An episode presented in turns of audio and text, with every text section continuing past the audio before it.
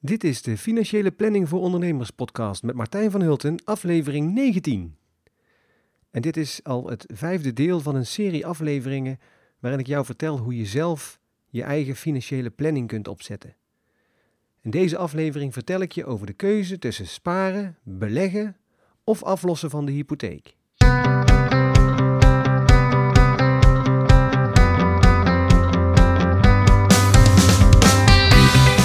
Ben je al jarenlang ondernemer, net gestart of heb je plannen om voor jezelf te beginnen? In deze podcast krijg je allerlei informatie over zaken waar je als ondernemer tegenaan loopt. Ik ben Martijn van Hulten, financieel planner en belastingadviseur en zelf al bijna 15 jaar ondernemer.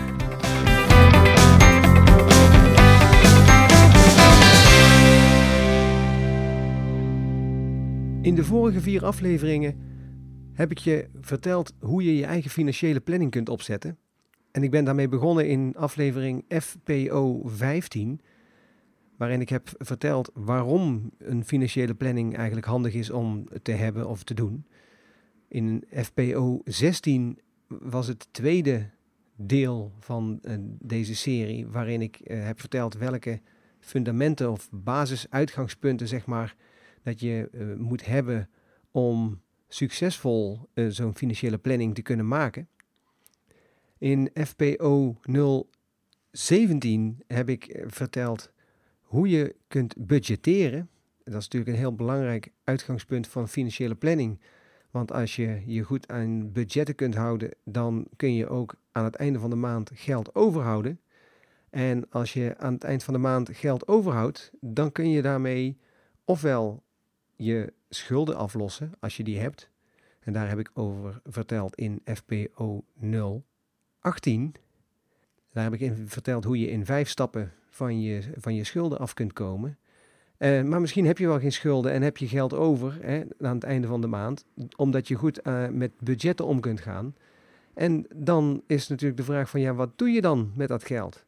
Nou, en in deze aflevering wil ik daar met name op ingaan. Welke keuzes heb je als je aan het einde van de maand nog geld over hebt? Hè, wat ga je dan doen? En uh, hoe maak je daar de slimme keuzes in? Zoals ik in uh, de eerste aflevering, of in, in FPO 015 heb verteld, uh, is natuurlijk de basis van elke financiële planning is dat je zorgt dat je minder geld uitgeeft dan dat er binnenkomt. En dat betekent dus dat er elke maand, als het goed is, geld overblijft. Of in ieder geval misschien dat er af en toe wel eens een maand is dat je wat tekort komt, maar dat dat in een andere maand wordt gecompenseerd en meer dan dat. Zodat je uiteindelijk geld overhoudt en daarmee kun je dan gaan plannen. Dan kun je gaan kijken van waar ga ik dat geld nou aan besteden? Welke wensen heb ik? Welke doelstellingen heb ik? En hoeveel geld heb ik nodig om uh, die wensen uit te laten komen? In de vorige aflevering heb ik verteld hoe je in vijf stappen van je schuld afkomt. Nou, het voordeel is als je dat hebt gedaan op die manier, dat je gewend bent inmiddels aan een bepaald uitgavenpatroon en dat je dus gewend bent om minder uit te geven dan dat je binnenkrijgt. En dat is natuurlijk heel fijn als je, dat, als je daar inmiddels aan gewend bent, want dan heb je de vicieuze cirkel omlaag, dus van, van het steeds weer tekortkomen, daarvoor weer te moeten lenen en daardoor, daardoor meer rente te moeten betalen, waardoor je weer meer tekort komt.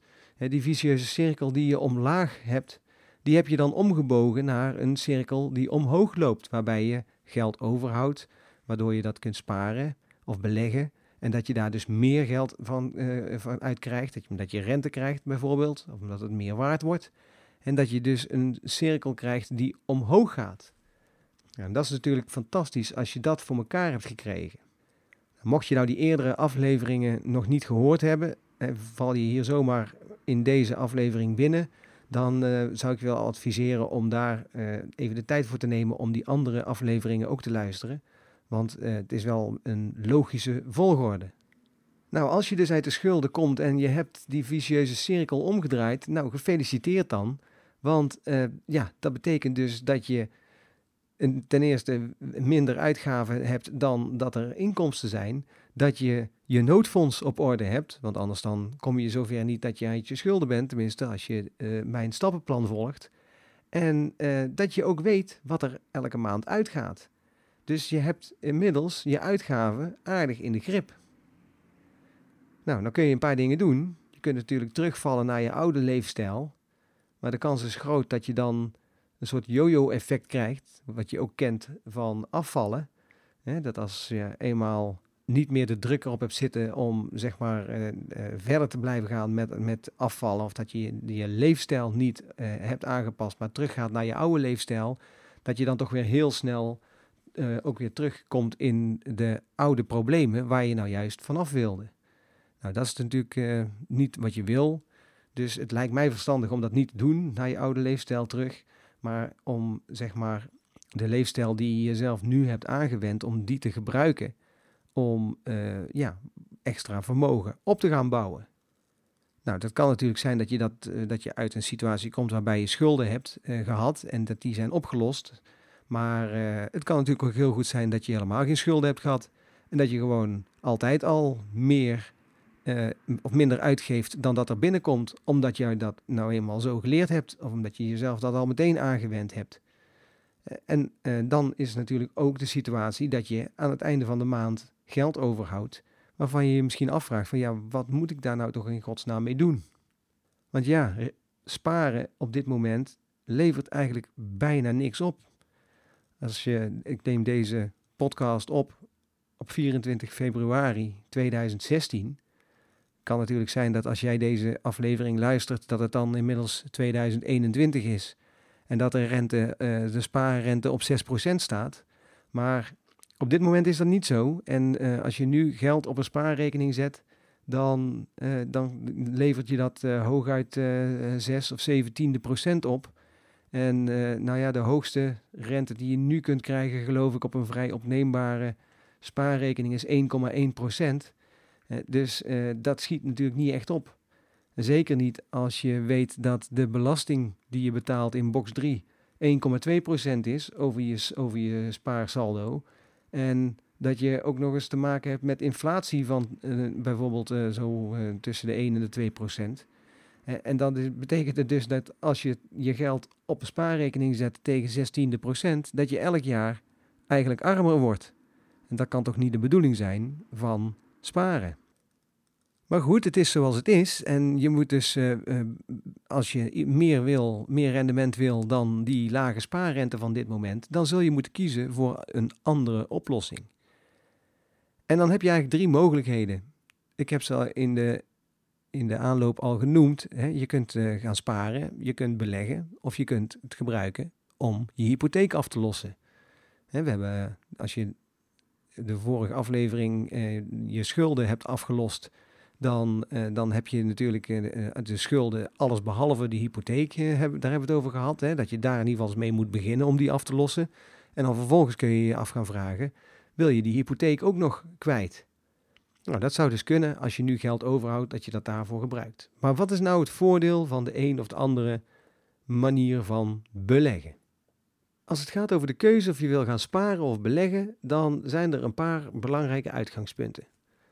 Allereerst het uitgangspunt van het rendement en risico. Hoe hoger het rendement is dat je wil hebben, hoe hoger het risico zal zijn dat je wil, moet gaan lopen om dat rendement ook te kunnen halen. Als, uh, uh, ja, dat is eigenlijk een standaardregel. Als je meer, als je meer uh, risico wilt lopen, dan kun je daarmee ook een hoger rendement halen. Want in de vergoeding die je krijgt over je belegging, zit een, een gedeelte vergoeding voor het feit dat jij een risico loopt. En uh, nou ja, elke belegging heeft zo zijn risico's. Hè? Uh, en misschien moeten we ze even allemaal doorlopen om te kijken van wat is nou het, het risico bij de verschillende soorten van beleggingen. Nou, wat kun je doen met je geld? Je kunt het in een oude sok stoppen en thuis in de kast leggen. Nou, dan, heb je, dan weet je zeker dat je geen enkel rendement maakt. Hè? Want uh, dat levert in ieder geval geen rente op. En uh, het zal er niet meer worden. Uh, je loopt zelfs risico's, want je loopt het risico dat er brand uitbreekt in huis en dat je geld weg is.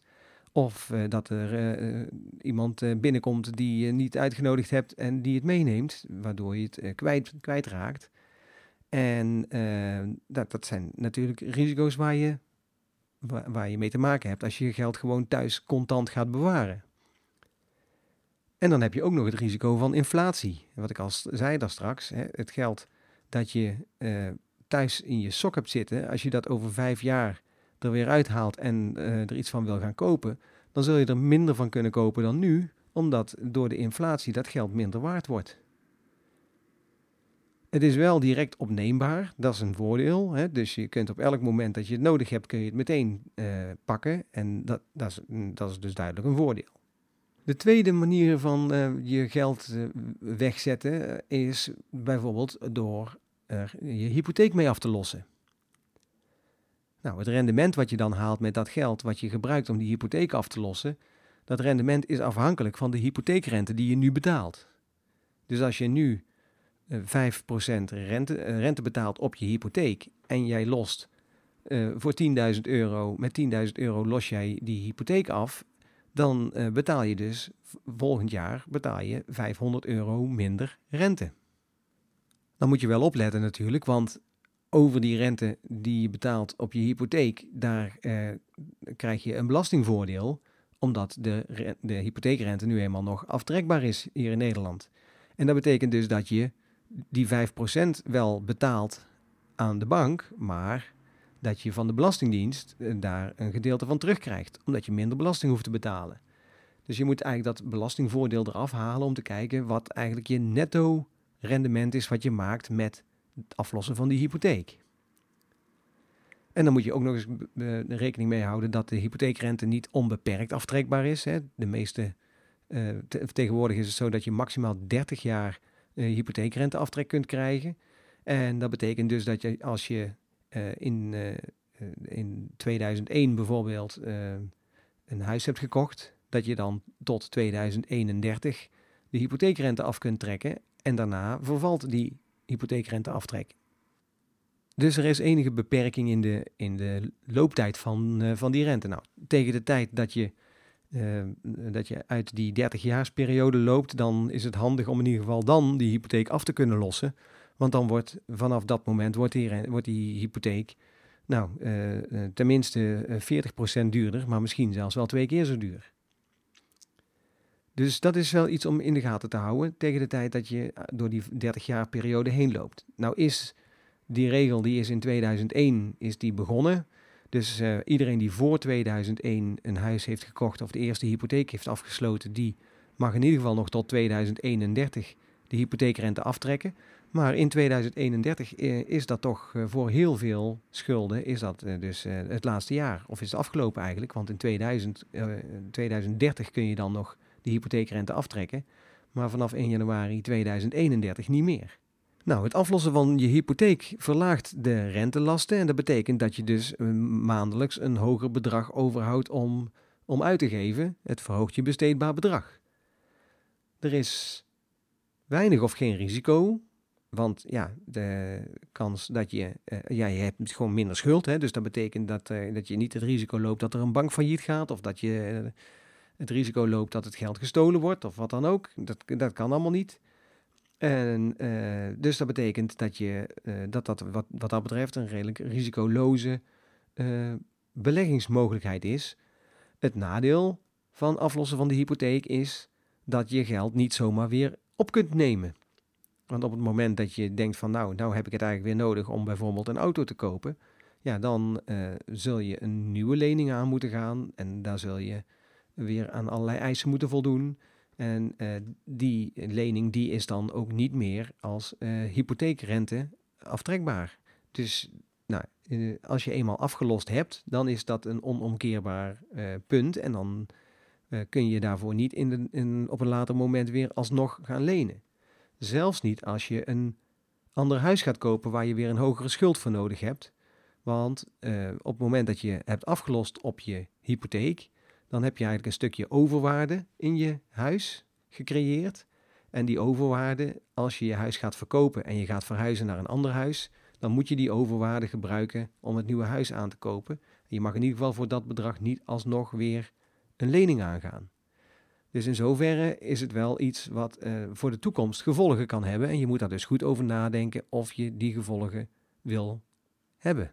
De volgende mogelijkheid van, uh, om met, je, met je, uh, het geld te doen wat je over hebt, is om het op een spaarrekening te zetten. Nou, daar krijg je op dit moment krijg je daar een heel laag rendement over. Hè, wat ik al zei, meestal minder dan 1% op dit moment. En daar staat tegenover dat je relatief weinig risico loopt. Hè, de, uh, het geld staat op de bank. Het, is niet afhankelijk van de waardeverandering van aandelen of wat dan ook. Het enige risico wat je loopt is dat die bank waar je het hebt gebracht, dat geld, dat die failliet gaat. En daarvoor hebben we dan het depositogarantiestelsel in Nederland. En dat betekent dat je als je geld op een Nederlandse op een rekening hebt staan bij een Nederlandse bank die onder dat depositogarantiestelsel valt, dat je dan tot maximaal 100.000 euro per persoon gegarandeerd je geld terugkrijgt op het moment dat de bank failliet gaat. Nou, dus dat is in ieder geval een, een, mooie extra zekerheid. Als je nou je geld eigenlijk wel op een spaarrekening wil zetten, maar je wilt toch een iets hoger rendement, dan kun je overwegen om het op een zogenaamde depositorekening te storten. En uh, zo'n depositorekening die geeft een iets hoger rendement, afhankelijk van hoe lang dat je je geld uh, vastzet. dus op het moment dat je zegt van nou, ik wil, kan mijn geld wel één jaar missen, dan kun je je geld één jaar vastzetten op een deposito van één jaar. En dan krijg je een paar tiende misschien meer dan de rente die je krijgt op een gewoon vrij opneembare spaarrekening.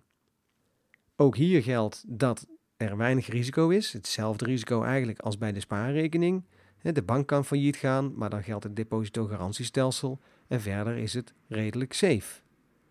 Het nadeel van deposito's is dat je het niet direct kunt opnemen. Dus eh, op het moment dat je, zeker als je je geld voor een langere tijd gaat vastzetten om een zo hoog mogelijk rendement te krijgen. Hè, stel dat je je geld voor 10 jaar vastzet en je krijgt daar 2,2% voor of zo, of 2,3%. Dan, ehm, eh, dan heb je wel een iets hoger rendement. Maar ja, dan ben je nog steeds, uh, je bent wel 10 jaar je geld kwijt en je kunt in de tussentijd kan je het niet opnemen. En stel dat het nou in 2021 zo is dat de spaarrente 6% is, ja, dan uh, heb je toch misschien, uh, dan baal je er misschien toch van dat je in 2016 hebt besloten om je geld voor 10 jaar vast te zetten voor 2,4%. Dus dat is het nadeel van, uh, van het geld voor zo'n lange periode vastzetten. Nou, de laatste mogelijkheid is om je geld te gaan beleggen. Daarvoor zijn heel veel verschillende mogelijkheden. Je kunt het eigenlijk zo gek niet verzinnen of je kunt erin beleggen. En, uh, maar je hebt net zoveel mogelijkheden als je hebt om in te beleggen. Zoveel verschillende risico's heb je. Hè? Um, je zou kunnen bedenken dat je geld bijvoorbeeld belegt in aandelen. Dat is de meest uh, uh, voor de hand liggende manier van beleggen. Hè? Dus dat betekent dus dat je mede aandeelhouder wordt van een bedrijf. En dan heb je ook zeggenschap, afhankelijk van wat voor soort bedrijf. En, ja, en je krijgt recht op een dividenduitkering. En, en, je, en het kan zijn dat die aandelen meer waard worden of minder waard worden. Nou, dat is het risico wat je hebt op het moment dat je gaat beleggen. Daarnaast kun je ook beleggen in obligaties. Dat zijn zeg maar leningen die je verstrekt aan een bedrijf of aan een staat staatsleningen, staatsobligaties, dat, zijn, uh, dat is ook een belegging. Dan krijg je een rente voor, over het bedrag wat je zeg maar leent. En um, je kunt tussentijds kun je die obligaties ook verkopen. Het enige nadeel is dat daar, uh, ja, vroeger dacht men, of werd er wel gezegd dat obligaties minder risicovol zijn dan aandelen. Maar daar zijn ze wel een beetje van teruggekomen, want zeker in deze periode dat de rente zo ontzettend laag is, dan, uh, dan zijn obligaties misschien nog wel een veel risicovollere belegging dan aandelen. Want op het moment dat de rente maar een paar tienden stijgt, dan uh, kunnen de, de koersen van die obligaties die kunnen in elkaar donderen. En dan uh, kan het dus best zijn dat je heel snel toch veel geld verliest op je obligaties. Een derde manier om te beleggen is in onroerend goed. En daar kun je dat op verschillende manieren doen. Je kunt zeggen van nou, ik ga uh, bijvoorbeeld ergens een, een pand kopen. Ik koop een huis of ik koop een kantoorpand. En ik ga dat verhuren en de huuropbrengsten, Dat is dan zeg maar de opbrengsten van mijn belegging. En uh, nou ja, en misschien als ik na verloop van tijd mijn, uh, dat pand weer ga verkopen, dan maak ik daar winst op en dan is dat ook beleggingswinst. Nou, als je zo'n onroerend goed koopt en je gaat dat verhuren aan derden, dan valt dat gewoon in box 3 en dan heb je dus net als bij aandelen of bij obligaties of bij spaarrekeningen dat je 1,2% belasting moet betalen per jaar over de waarde van, uh, van die panden of van dat pand. Nou, een andere mogelijkheid om in te beleggen is bijvoorbeeld in goud of in andere edelmetalen of in grondstoffen. Nou, ja, je, wat ik al zei, je kunt eigenlijk bijna zo gek niet verzinnen. En, uh, of je hebt er wel een, uh, een, mogelijkheid om daarin te beleggen. En als het niet in het. Uh, ja, je kunt natuurlijk goud kun je gewoon zelf kopen, daadwerkelijk dat je echt een, een, baar goud eh, krijgt die je eh, ergens moet opslaan, want dat is natuurlijk ook diefstalgevoelig. En ehm, dus dat brengt dan weer kosten met zich mee. En goud heeft natuurlijk geen, geeft geen opbrengst. Hè? Je, krijgt, je krijgt geen rente als je goud hebt. Je bent helemaal afhankelijk van de waardeontwikkeling van, van dat edelmetaal. En nou, dat kan aardig schommelen. Dus je kunt daar klappers mee maken, maar je kunt er ook goed mee onderuit gaan.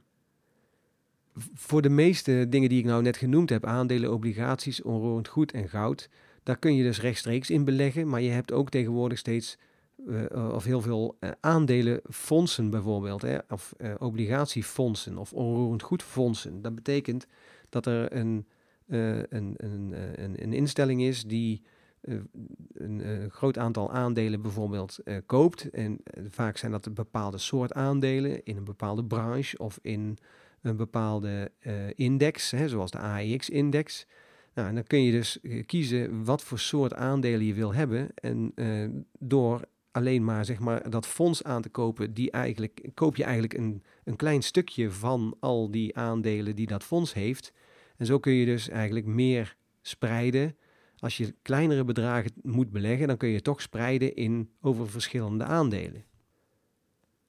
Wat tegenwoordig ook nog een heel uh, interessante, of een, in ieder geval een opkomende manier van beleggen is, is wat ze noemen crowdfunding. En crowdfunding is als een, eh, bijvoorbeeld een bedrijf, die hebben financiering nodig voor een nieuw project. En dan kunnen ze naar de bank gaan, maar banken zijn op dit moment niet zo heel happig om te beleggen.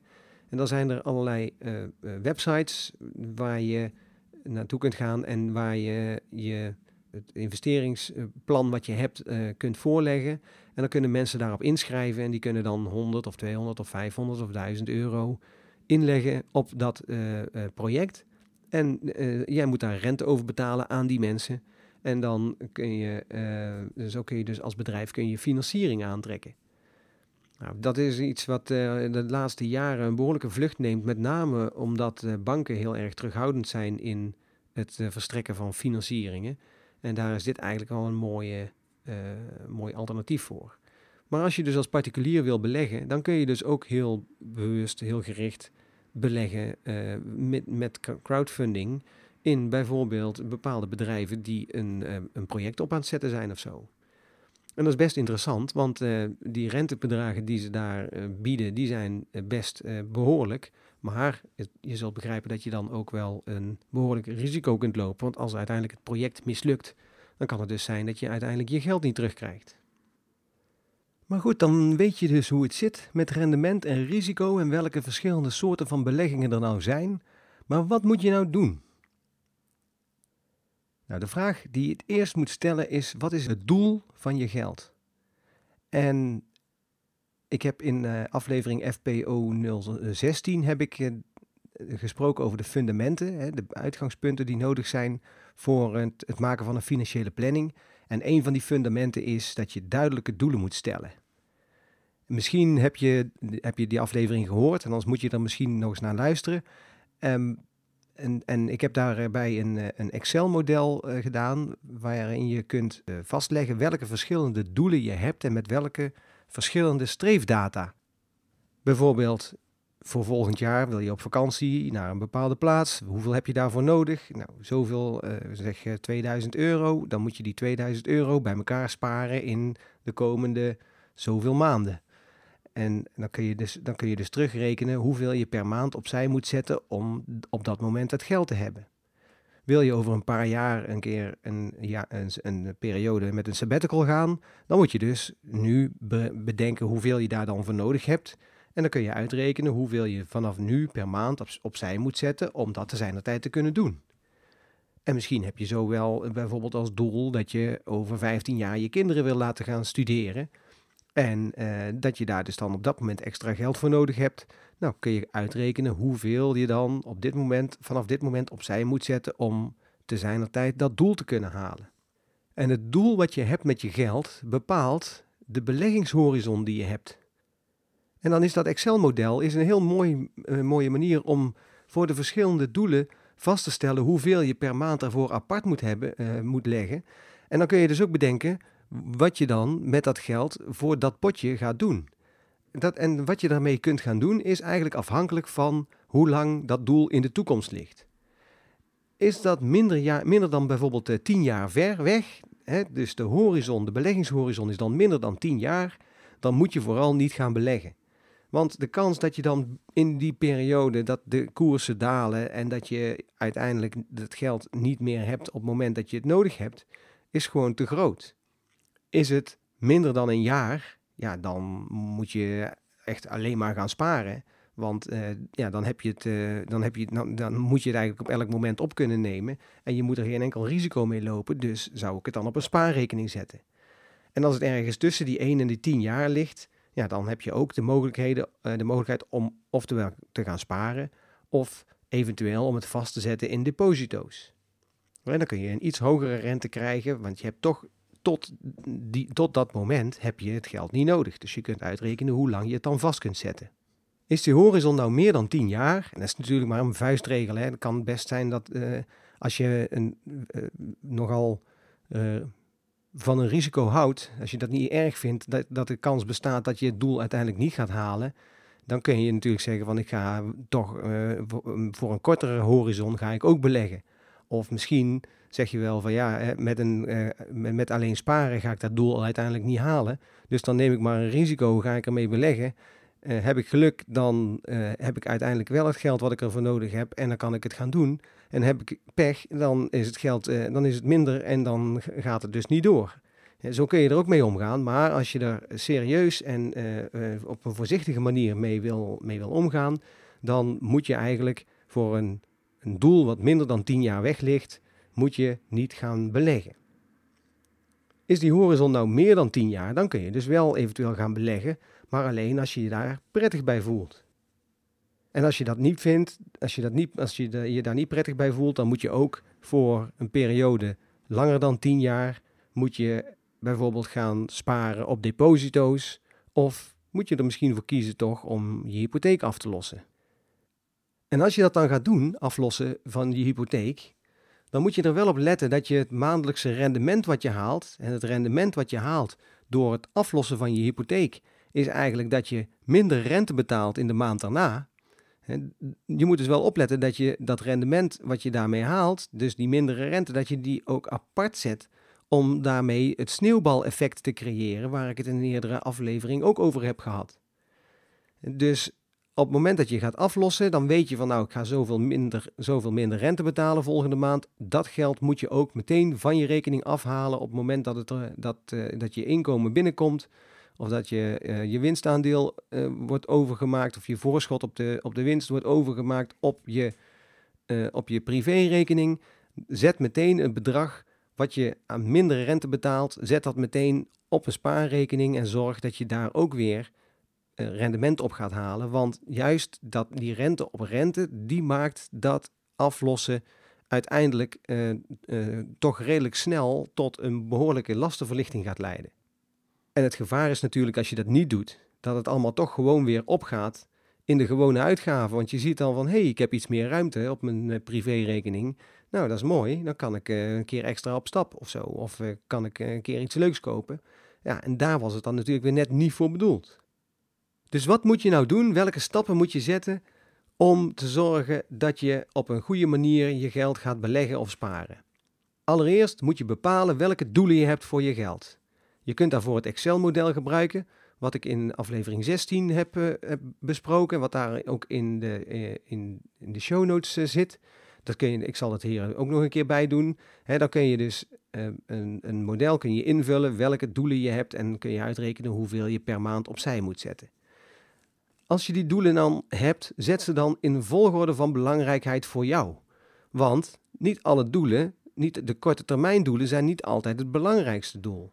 dus het kan best zijn dat je zegt van ja, ik vind het wel leuk uh, om volgend jaar op vakantie te gaan, maar ik vind het belangrijker dat over 15 jaar mijn kinderen kunnen gaan uh, studeren. Dus als ik niet, uh, het geld niet kan, kan sparen om mijn kinderen te laten, om dat potje voor mijn kinderen op te bouwen, ja, dan moet ik misschien dus minder, de, dan moet ik mijn, mijn, vakantieplannen misschien aanpassen. Hè? Dus bedenk welke doelen je in welke volgorde van belangrijkheid je hebt. Doe je dat niet, dan is het gevaar dat de lange termijn doelen vooruit worden geschoven, dat je in eerste instantie alleen maar aan het sparen bent voor de doelen die heel dichtbij liggen en dat je dat uiteindelijk niet uh, voldoende geld spaart voor de belangrijke doelen op lange termijn als je dan uiteindelijk nog ruimte over hebt, dan is het misschien uh, handig om dat geld te gebruiken om eerder te kunnen stoppen met werken of om aan te vullen op je pensioen. Maar nou ja, dat, dat is dan de vraag, hè, of dat, dat dan een, een, een doel is wat je uiteindelijk uh, voor, uh, voor het restant geld, wat je dan nog eventueel over hebt, gebruikt, of dat dat doel om eerder te kunnen stoppen met werken of om je pensioen aan te vullen, dat dat een belangrijker doel is dan een van de andere kortere termijn doelen die je hebt. Dus denk daar heel goed over na. Vervolgens moet je berekenen welk bedrag van je totale spaargeld en van het geld wat er, wat er maandelijks overblijft, naar welk doel gaat. En dat kun je, daar kun je dus dat Excel-model weer voor gebruiken. Vervolgens, de derde stap is dat je per doel moet bekijken wat de beleggingshorizon is. Is het een horizon van over een jaar, of is het over vijf jaar, of over tien, of over vijftien? Hoe ver weg heb, is, uh, heb je je geld weer nodig? En als je dat dan weet, wat de beleggingshorizon is, dan kun je bepalen op welke manier je dat geld apart gaat zetten. En je zult dus, je kunt niet zeggen dat je uh, altijd op dezelfde manier spaart voor al je doelen. En dat is dus afhankelijk van de horizon. En let dan wel goed op, want naarmate het doel dichterbij komt, dan verandert ook de horizon en zul je dus ook moeten veranderen in je beleggingen. Bijvoorbeeld iemand van 60 die eerder wil stoppen met werken, die moet, niet met, die moet zijn geld niet meer gaan beleggen, maar die moet ermee sparen.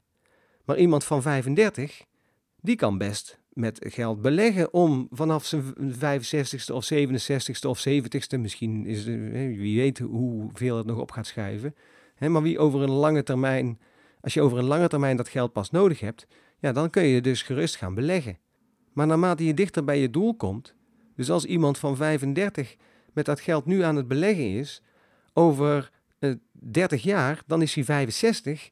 Ja, en dan eh, is de, de horizon natuurlijk een stuk korter. Dus naarmate je dichter bij je doel komt, moet je die beleggingen gaan afbouwen en overhevelen naar een spaargeld.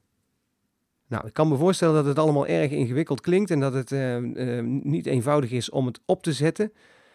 Vind je het nou moeilijk om dit allemaal zelf uit te vogelen? Of heb je misschien al een behoorlijke spaarpot opgebouwd en wil je hulp bij het vaststellen van die verschillende doelen en het kijken van wat ga ik dan doen met beleggen of sparen of aflossen? Neem dan gerust contact met ons op. Van Vught en Van Hulten belastingadviseurs en financieel planners. Wij zijn telefonisch bereikbaar op 073 503 0405. En dan kun je een afspraak maken voor een vrijblijvende kennismaking. En dan kunnen we kijken of wij daar iets in kunnen betekenen om jou te helpen daarbij. De volgende keer ga ik het hebben over een heel veel besproken onderdeel van je eigen financiële planning, namelijk je huis en je hypotheek. Nou, tot dan wens ik je heel veel succes bij het in de grip krijgen van je eigen vermogen en ik spreek je graag de volgende keer.